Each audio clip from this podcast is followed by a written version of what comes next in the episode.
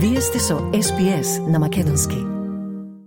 Генералниот секретар на НАТО Јенс Столтенберг вчера пристигна во дводневна посета на Скопје. Тој попладнето имаше средба со премиерот Димитар Ковачевски, на која присуствува и министрите Бујар Османи, Славјанка Петровска и Оливер Спасовски. По средбата беше одржана заедничка пресконференција на која Ковачевски во однос на руското влијание во регионов рече дека нема закана за безбедноста и за стабилноста на нашата земја. Ние, а и останатите земји членки на НАТО, се бориме против руското влијание во регионот. Секако дека влијание на трети земји, вклучително и руско влијание, постои во регионот, меѓутоа сепак тие не се на ниту на приближно ниво на она што го поседуваат нашите институции, што го поседуваат земјите членки на НАТО и што го поседуваат нашите безбедносни служби, а, за да бидат во можност да направат било какво дестабилизирање на нашата држава. Столтенберг истакна дека НАТО не гледа воена закана од Русија против било кој сојузник на НАТО или на целиот регион. We don't uh, Ние не гледаме никоја воена закана која што би дошла веднаш од Русија против кој било сојузник на НАТО, или регионот, но секако остануваме предпазливи, одблиску наблюдуваме што прави Русија и ќе останеме обединети. И подготвени сме брзо да се засилиме и да направиме се што треба за да го одбраниме секој сојузник од каква било закана, но сепак не гледаме нешто што би дошло како закана против кој било НАТО сојузник. На новинарско прашање за шансите за продолжување на преговорите со ЕУ односно за согласноста на пратениците за уставни измени, Ковачевски, алудирајќи на опозицијата, рече дека, цитат, тоа ќе зависи од некои кои секогаш биле против интегрирање на земјата во НАТО и во ЕУ. Доколку се надминат себе си, на декемврискиот самит ќе имаме одлука со која што Северна Македонија ќе ги отвори поглавјата од преговарачките чаптери и поглавја за пристапување кон Европската Унија. Доколку не се надминат себе си, тогаш ќе ја гледаме репризата на 11 самити на НАТО и на 11 самити на ЕУ, додека тие беа на власт, кога не се случуваше никаква одлука, ниту 1 милиметар напред во евроинтеграциите. Столтенберг синоќа се обрати во Македонското собрание првпат откако Македонија е членка на НАТО.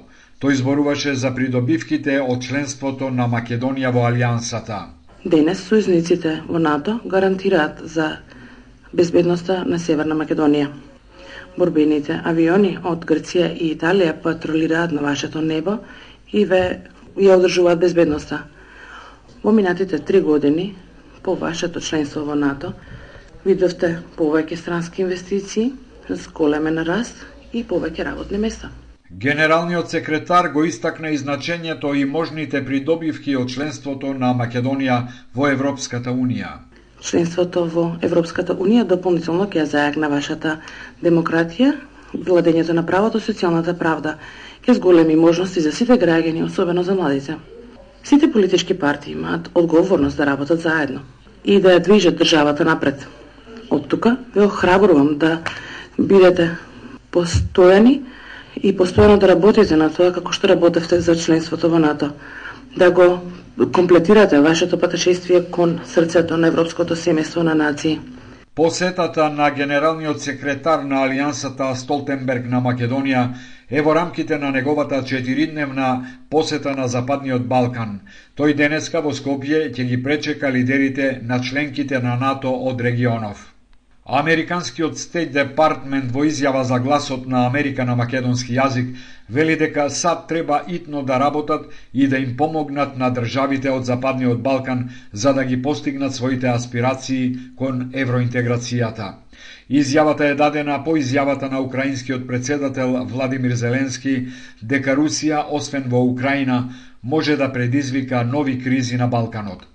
На реформи во Македонија неодамна повикаа и бриселските авторитети преку извештајот за напредокот на државата на патот кон ЕУ.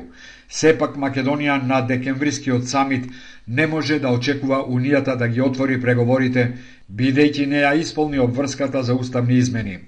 Ова вчера пред новинарите го потврди вице-премиерот Бојан Маричиќ. Тој одговорноста за тоа ја гледа единствено во ВМРО ДПМН која постојано се изјаснува против измени во Уставот. Маричич рече. А бидејќи во моментот тоа нема изгледи да се случи, треба да очекуваме застанување. Но ние не се откажуваме од тоа. Не се откажуваме до последниот ден на мандатот на овој, овој собраниски состав да разговараме и да ги убедуваме колегите од ВМРО ДПМН да не ја блокираат собствената држава, да не влезат во еден вртлок, во еден тунел, во кој што веќе еднаш не имаат днесено 2008 година, и да соберат сила, да заедно го направиме овој потек. ВМРО ДПМН е вели дека Маричиќ е министерот кој го има најлошиот извештај на ЕУ до сега. Во писмената реакција се вели Европската агенда е блокирана пред се поради неспособноста и криминалот на владата и поради обидот да се наметне бугарски диктат што го поддржува владата на Ковачевски. Со Маричич, СДС и ДУИ, ЕУ е само далечна желба наместо реалност на која треба да работиме, коментира ВМРО Паманае. Председателот Пендаровски викендов отворено кажа дека не очекува ништо од декембрискиот самит, бидејќи не сме го исполниле условот од преговарачката рамка.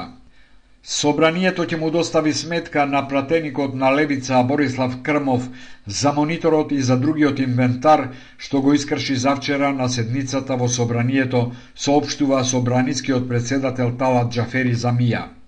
По завршувањето на продолжението на завчерашната седница и гласањето за новиот деловник на собранието, во парламентарната сала припадници на МВР извршиле увид на направената штета. Проценка на штетата врши и Собраниска комисија, потоа осигурителна компанија и Бирото за судски вештачења. Но Крмов во изјавата што ја пренесе ТВ Телма вели дека тоа е неговата борба за менување на системот. Ние не се откажуваме, како да ви кажам, ние, тоа не е професијата. Тоа не е професијата, баш зборевме со председателот Пасиев, ќе пуштале кривични, ќе правеле вакво, накво, кидеме у затвор. Кидеме во затвор. Ако треба. Зошто? Така. Сакаме да менуваме систем така. Па менување систем не е идење у парк, менување систем не е пикник. Тоа е борба. И ризикот, и ние сме свесни за ризикот, да. Поради неможноста пленарните седници да се одржуваат во салата за седници, од вчера до санирање на штетата ќе се одржуваат во големата сала со куполата, во која беше и синоќешното обраќање на Столтенберг. По инцидентот со реакција се јави ВМРО ДПМН е која вели, цитат, Секогаш кога рейтингот на левица е во пад, како што е во моментов на сите последни анкети, тогаш се договараат сценарија заедно со ДУИ и со СДС, меѓусебно да си помагаат, бидејќи тоа им одговара на сите страни, се наведува во сообштенијето на ВМРО Паманае. Обратно обвинување стигна од владеачката СДСМ. Миле Талевски, пратеник на оваа партија, на пресконференција рече. Одговорот за дивењето на пратениците на Левица во собранието мора да има. Целата македонска јавност виде дека што следи со Левица и ДПМН. Каков хаос им следи на граѓаните. Пратениците на Левица завчера предизвика инцидент за време на амандманската расправа за новиот деловник за работата на собранието. Борислав Крмов искрши дел од инвентарот, вклучувајќи и монитор од председавачката маса и се расфрлаше со листови од амандманите, а потоа му се придружи и председателот на партијата и пратеник Димитар Апасиев. Сакате ли да чуете повеќе прилози како овој? Слушате подкаст преку Apple Podcasts, Google Podcasts, Spotify или од каде и да ги добивате вашите подкасти.